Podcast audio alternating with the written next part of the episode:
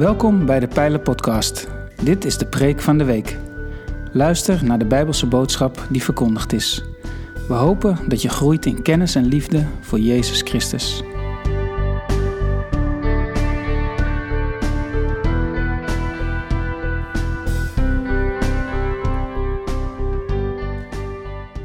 Hier is mijn hart, Heer. We hebben net gezongen.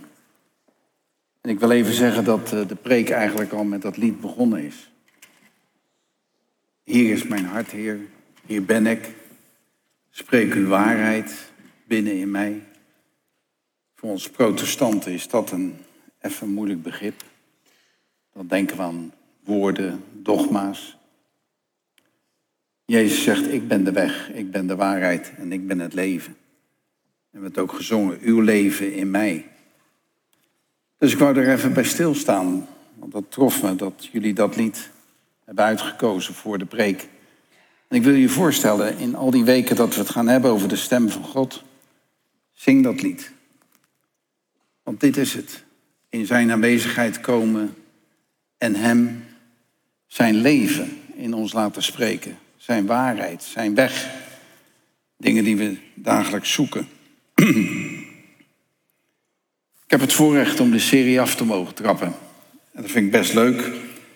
Hoewel ik uh, de tekst die me werd opgedragen een knap ingewikkelde vind. Uh, niet ingewikkeld in de vorm van, um, moet ik dat zeggen, moeilijk theologisch uit te leggen.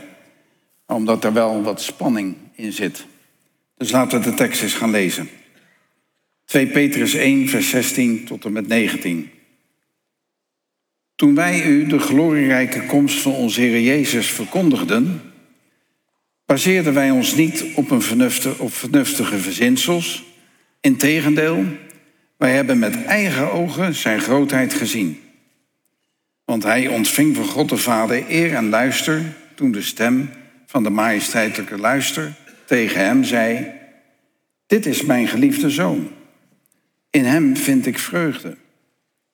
Die stem hebben wij zelf uit de hemel horen klinken toen we met hem op de heilige berg waren. Ons vertrouwen in de woorden van de profeet is daardoor alleen maar toegenomen. U doet er goed aan uw aandacht daar steeds op gericht te houden. Als een lamp, als op een lamp die in de donkere ruimte schijnt, totdat de dag aanbreekt en de morgenster opgaat in uw hart. Waar heeft Petrus over? Wat gebeurt hier? We lezen dat Petrus verslag geeft van een moment dat ze een hoorbare stem uit de hemel horen klinken, die zegt, dit is mijn geliefde zoon, in hem vind ik vreugde, in hem heb ik plezier. Moet je voorstellen, je bent ergens en je hoort uit de hemel een stem over een ander spreken. Dat was op de berg van de verheerlijking. De berg van de verheerlijking vind je in de synoptische evangeliën, waarin Jezus zijn verheerlijkte lichaam eigenlijk aanneemt. Iets wat jou en mij te wachten staat als we naar Hem toe gaan, als we sterven. Dan krijgen we een verheerlijk lichaam. Jezus had dat al. In het Johannesevangelie ontbreekt de verheerlijking op de berg. Omdat het hele evangelie van Johannes spreekt vanuit de verheerlijkte Jezus. Dat is heel opmerkelijk. Het zit heel anders in elkaar. Dus die gebeurtenis is iets heel wonderlijks. En dan hoor je een hoorbare stem. Die verheerlijking op de berg is dus niet iets wat je zegt van... hé, hey, dat is het dagelijks leven. En om dan met de deur in huis te vallen... als we het hebben over de stem van God verstaan... kan je dat nou verwachten zoals Petrus dat toen gehoord heeft? Heeft Petrus dat vaker gehoord, zo'n stem uit de hemel? Antwoord nee. Hij heeft op andere manieren de stem van God verstaan in zijn leven. Of misschien ook wel. Ik weet het niet. Het verstaan van de stem van God zit tussen de dagelijkse omgang, of zit in de dagelijkse omgang van ons leven en in hele bijzondere momenten. We hebben net het getuigenis gehad van Colette. Waarin heeft God nou tot haar gesproken? En heeft ze getuigd van haar persoonlijke momenten, heel bijzonder. Maar ik durf je ook te zeggen, ik denk dat uh, haar vriendinnen en de kerk, dat God er ook door gesproken heeft. En dat hoorden we ook. Hoe spreekt God tot ons? Moeten we wachten op een openbaring van Jezus en zijn verheerlijking? En spreekt hij dan? Zou ik niet doen. Weet je Dat is niet een pondje boter kopen. En ik heb het wel nodig wanneer ik wel op straat loop om met hem te leven. Dus even een stapje verder. Is het mogelijk die stem van God te verstaan? Ik denk van wel, als je je afzondert op specifieke plekken, zoals op die heilige berg. We kunnen ook hier op deze heilige berg stil worden en naar God luisteren. En ik denk als je met die verwachting open staat, dat God inderdaad tot ons spreekt. Terugtrekken op, uh, op religieuze plaatsen is een hele goede zaak. Alleen de keerkant is weer, als we daar een regeltje van maken, je moet naar de kerk gaan, want daar hoor je God spreken, dan draai je de boel om. Jij en ik kunnen dagelijks in de omgang met God zijn stem horen. Het is alleen over overduidelijk dat de kans dat hij hier tot je spreekt vele malen groter is. En velen van jullie zijn ook gekomen vandaag. Je bent gekomen naar de, de godsdienst, naar deze kerk, naar een eredienst, om van God te luisteren. Er zijn ook gekomen die lekker willen zingen. En zelfs daardoor kan God spreken. En dan bedoel ik dat niet dat hij spreekt door die liederen. God kan spreken door van alles en nog wat. Zelfs door een ezel in het Oude Testament. En deze ezel ook nog. Hè? God spreekt vandaag door liederen, door gebeden, door de liturgie, door de prediking, door de ontmoeting met elkaar, straks bij de koffie. Alle elementen van de dienst zijn instrumenten die God gebruikt om tot jou te spreken. Sterker nog, alle elementen in je hele leven zal die gebruiken.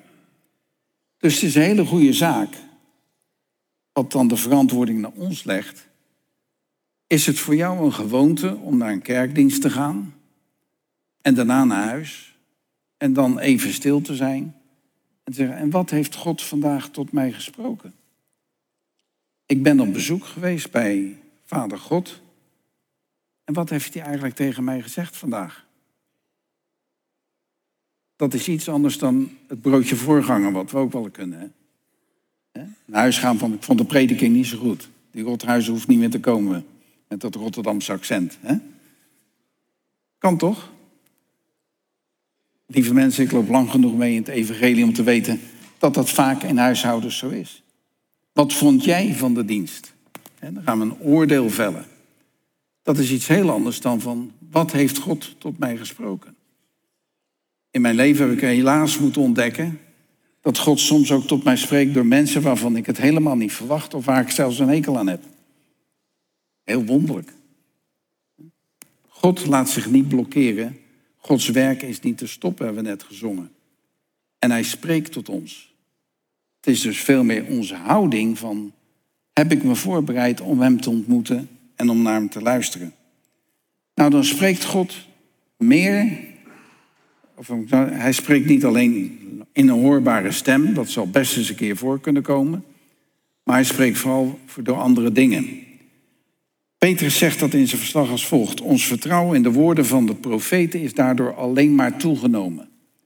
En Petrus haalt dan de profeten, de schriften aan. Nou, dat is een heel belangrijk gegeven. Het woord van God, de Bijbel, is ons gegeven om naar God te luisteren. De Bijbel is niet gegeven om meer over God te weten. Dat is religie, dat is godsdienst. Maar met God omgaan aan de hand van de Bijbel is een andere zaak. Dus God kan tot ons spreken door de Bijbel. Hij kan spreken door het woord van God als je dat leest. Hij kan spreken door de omgang met Hem in stilte. En Gods stem verstaan is daarin geen trucje. Dat is mijn grootste zorg in de hele prediking en de hele serie die jullie gaan doen. Gaan we elkaar een trucje aanleren waarop je Gods stem kan verstaan? Daar zit het verstaan van de stem van God helemaal niet. Het verstaan van de stem van God heeft alles te maken met hoe jij je relatie onderhoudt met God. En hoe God zijn relatie met jou onderhoudt. Peter zegt dan eerst dat vertrouwen in de woorden van de profeten daardoor is toegenomen. God spreekt door zijn woord. Ik zal het heel simpel maken. Stel dat ik eh, ruzie heb met mijn buurman omdat hij weer zo'n takherrie maakt en de radio veel te hard heeft staan. En ik zit in mijn tuin en ik word alleen maar gestoord en ik wil lekker stille tijd houden. En ik erger me aan die man. Dan kan ik naar God gaan met de goede vraag: Vader, mag ik mijn buurman op zijn bek slaan? En dan denk ik dat ik een hoorbare stem uit de hemel hoor die gaat zeggen: nee. Of ga je gang, Henk. Want ik ben een God die maar net welk godsbeeld je hebt. Waarom doet God dat niet? Heel simpel. Henk, ik heb al zo vaak tot je gesproken door het woord dat je je naaste lief moet hebben en dat je mij moet hebben. Ik weet dat al. En heel vaak vragen wij de stem van God te verstaan over dingen waar we al lang en breed van weten, wat wel en niet goed is. Of kennen jullie dat niet? Ik heb kleine kinderen gehad, zijn inmiddels groot, maar die hadden er ook zo'n trucje van. Die kwamen dan vragen stellen waarvan ze al lang wisten dat het antwoord nee is. En hoe lang ze dan blijven zeuren. In de hoop dat jij een keer zegt, ja hoor, het mag. En als ouder is het dan moeilijk om gewoon je, je gedachten vast te houden en zeggen nee is nee en ja is ja. En daar komt geen verandering in. Even terug naar die buurman. Ik kan wel op een zondagochtend naar een dienst gaan met wraakgevoelens. Vader, ik heb nog steeds last van die buurman. En dan gebruik ik meestal wat andere woorden. Ik vind het een. Ik heb boosheid in mijn hart. Ik heb woede. En ik kom in de dienst. En ik hoop dat u tot me spreekt. Hier is mijn hart, Heer. En hoe vaak gebeurt het dan niet dat in een dienst je bemoedigd wordt om te vergeven, om je hart zacht te maken en je buurman weer lief te gaan hebben? Mij is dat vele, vele malen over, over, overkomen. En ik kan je zeggen, het is misschien wel de meeste manier waarop God tot mij gesproken heeft.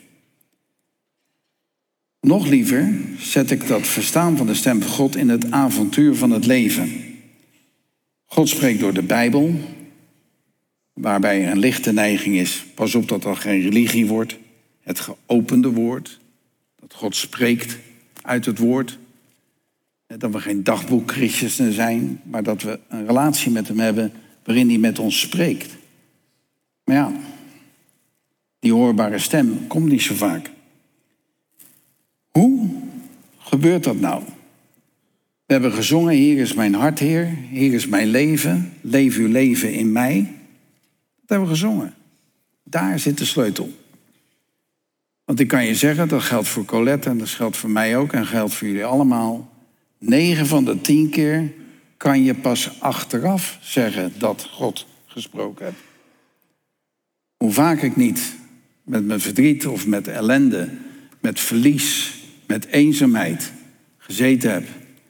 En dat God op me sprak en dat je achteraf zegt, hé, hey, de Heer was er toch bij. Of hé, hey, was dat niet iets van de Heer? Als je straks naar huis gaat ook, dat je zegt van,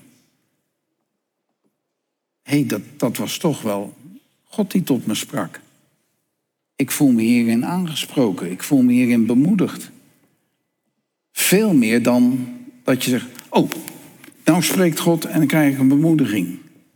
Maar dat je achteraf zegt, dit was de Heer die tot mij sprak.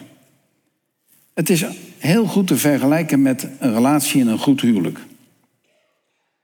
Er zijn veel huwelijken waar veel gekletst wordt, maar niet gesproken. Er zijn veel huwelijken die intimiteit kennen, waarin misschien helemaal niet zoveel woordenwisseling is. maar waar elkaar wel verstaan wordt. Waar naar elkaar geluisterd wordt.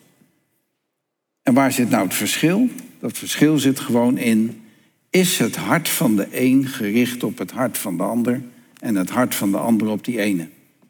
Is mijn hart gericht op God?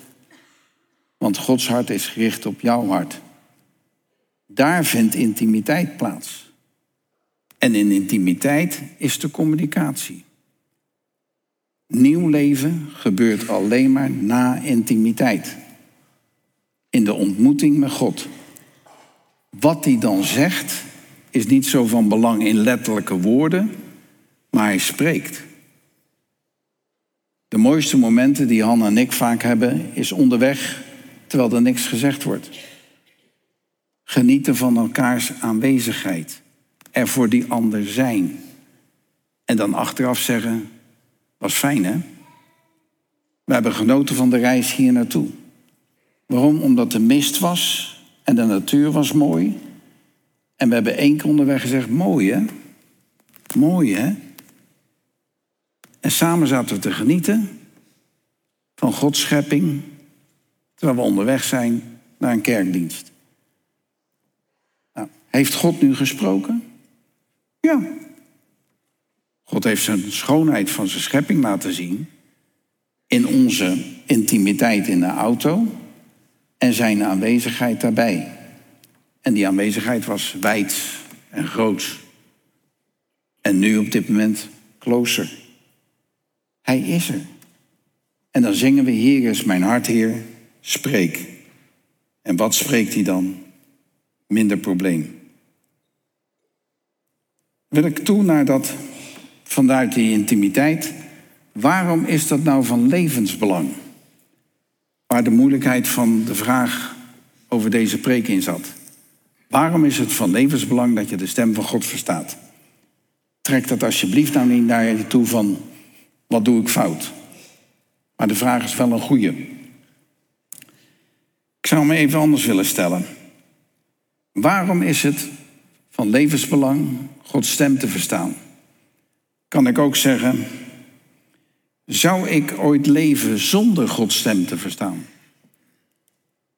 Want als ik om me heen kijk, zijn er miljoenen mensen die leven en het ziet er goed uit en verstaan de stem van God totaal niet. Dus wacht even, van levensbelang. Wat voor levensbelang heb ik het dan over? En we hebben gezongen, uw leven in mijn leven. Als Jezus zegt, ik ben de weg, de waarheid en het leven, heeft hij het niet over meer van wat we nu al hebben. Dat is de afschuwelijke kant van het welvaartsevangelie. Waarin je zegen vertaalt in dingen die we al hebben en alleen maar groter worden. Het eeuwige leven is een heel ander leven dan het leven wat we hier op aarde hebben. En daar zingen we ook over, geen tranen meer en noem maar op.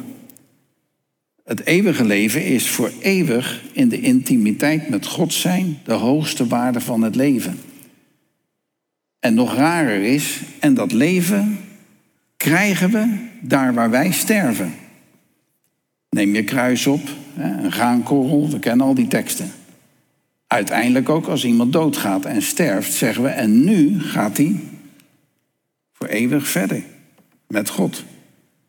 We gaan er dan op vooruit. Er is dus een hogere graad van leven die we in het verstaan van de stem van God ontmoeten. Ik leef. Nou, hoe weet ik nou dat ik leef? Is dat omdat ik kan lopen? Omdat ik kan bewegen? Ja. Maar nog specifieker. Wanneer leeft iemand? Iemand leeft wanneer die ademt. Toch?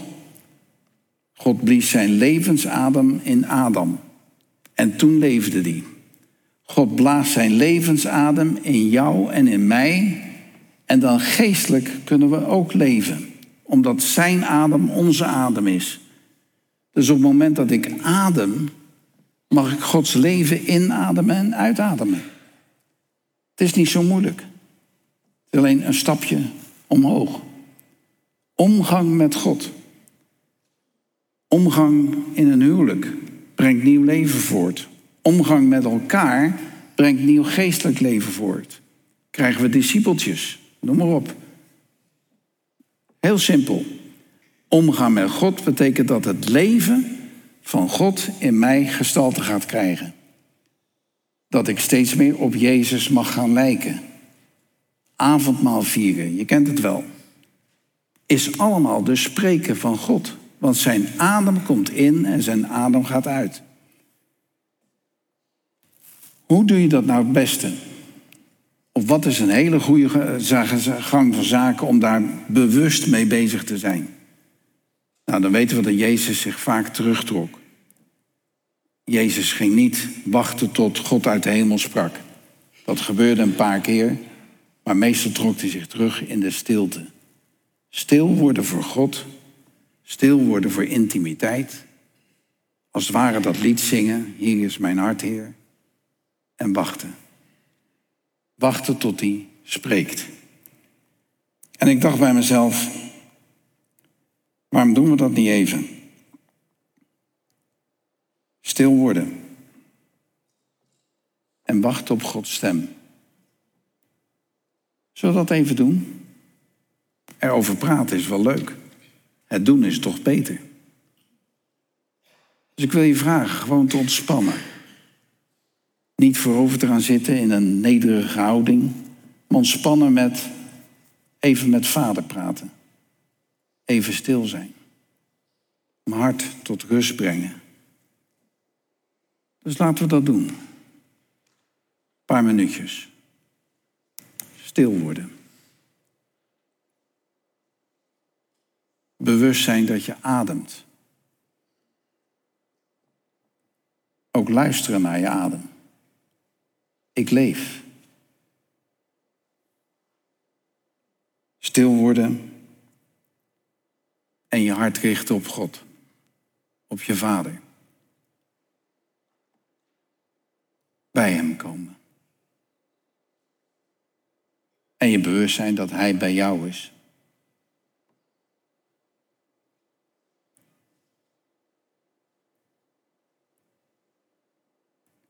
En als je uitademt, hier is mijn hart, Heer.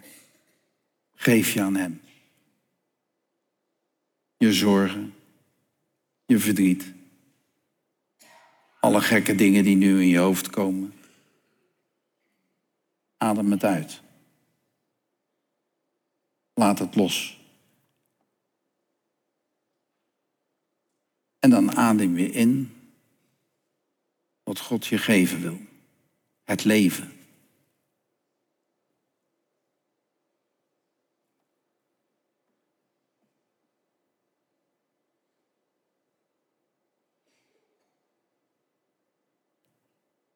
En in die stilte zeggen we, Vader spreek. Spreek uw waarheid in mij. Spreek uw leven in mij. Spreek uw weg in mij. Want u, Jezus, bent de weg, de waarheid en het leven.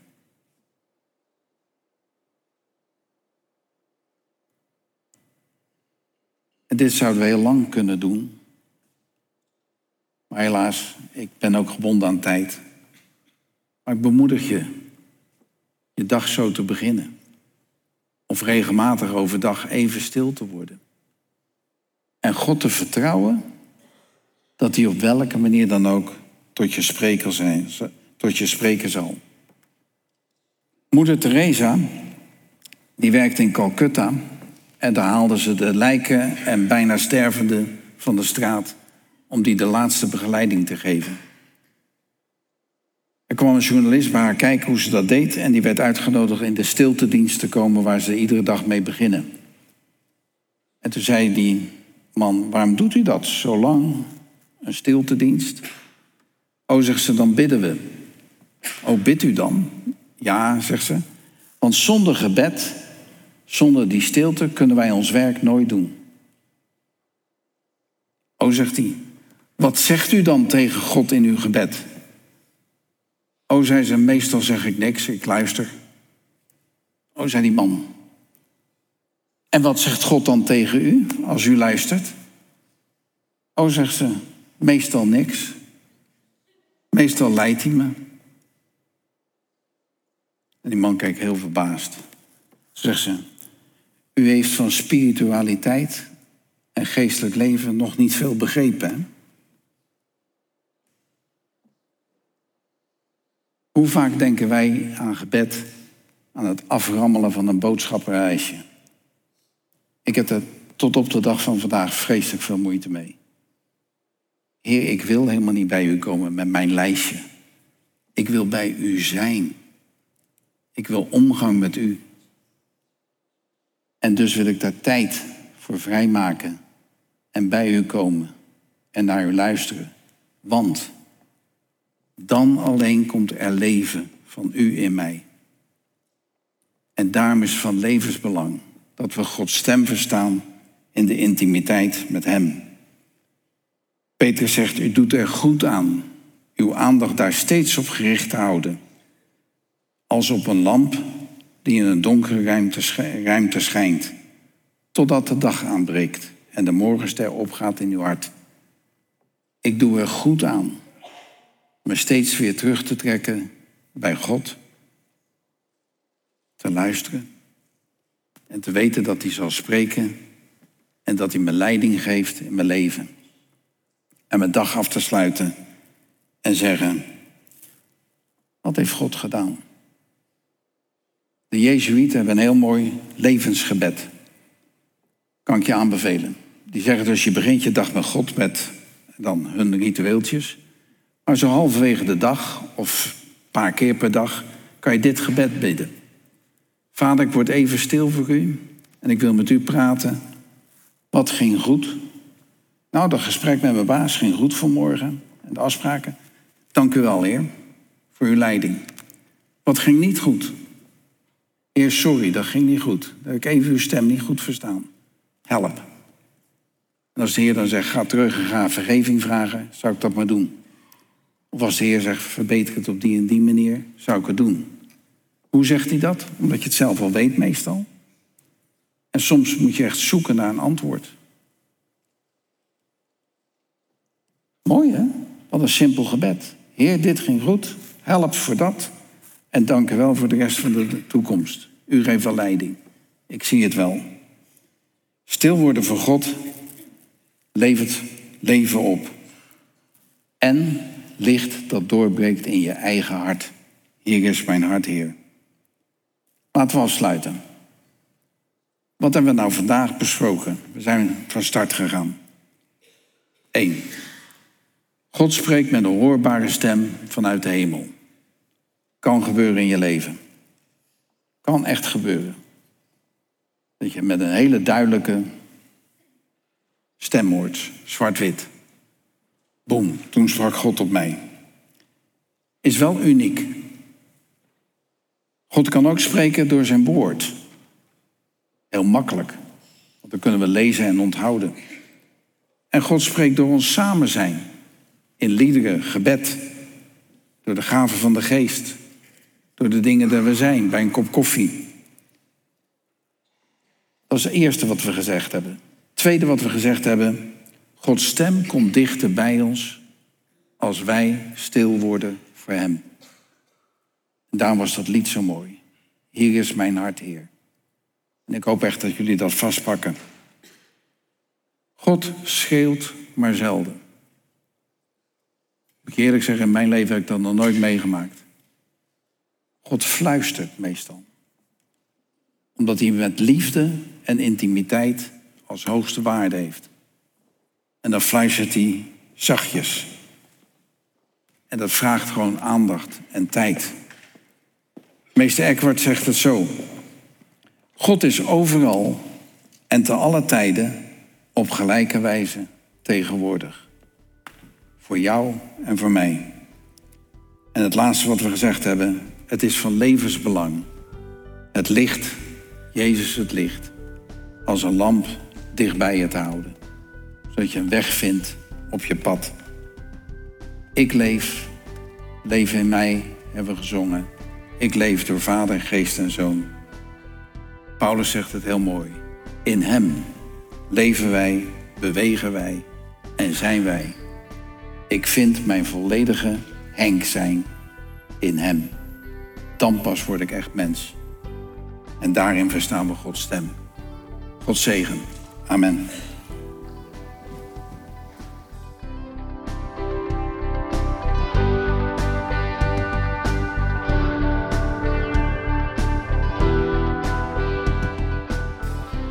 Bedankt voor het luisteren naar deze aflevering van de Pijlen Podcast, Preek van de Week. Heb je vragen naar aanleiding van deze preek? Stel ze. Dat kan via een e-mail naar onderwijs.pijler.nl. We helpen je graag verder in je groei als leerling van Jezus Christus. Abonneer je op deze podcast, zodat je altijd op de hoogte blijft van het onderwijs uit de Pijler. Goede week gewenst, ga in vrede, want God is nabij.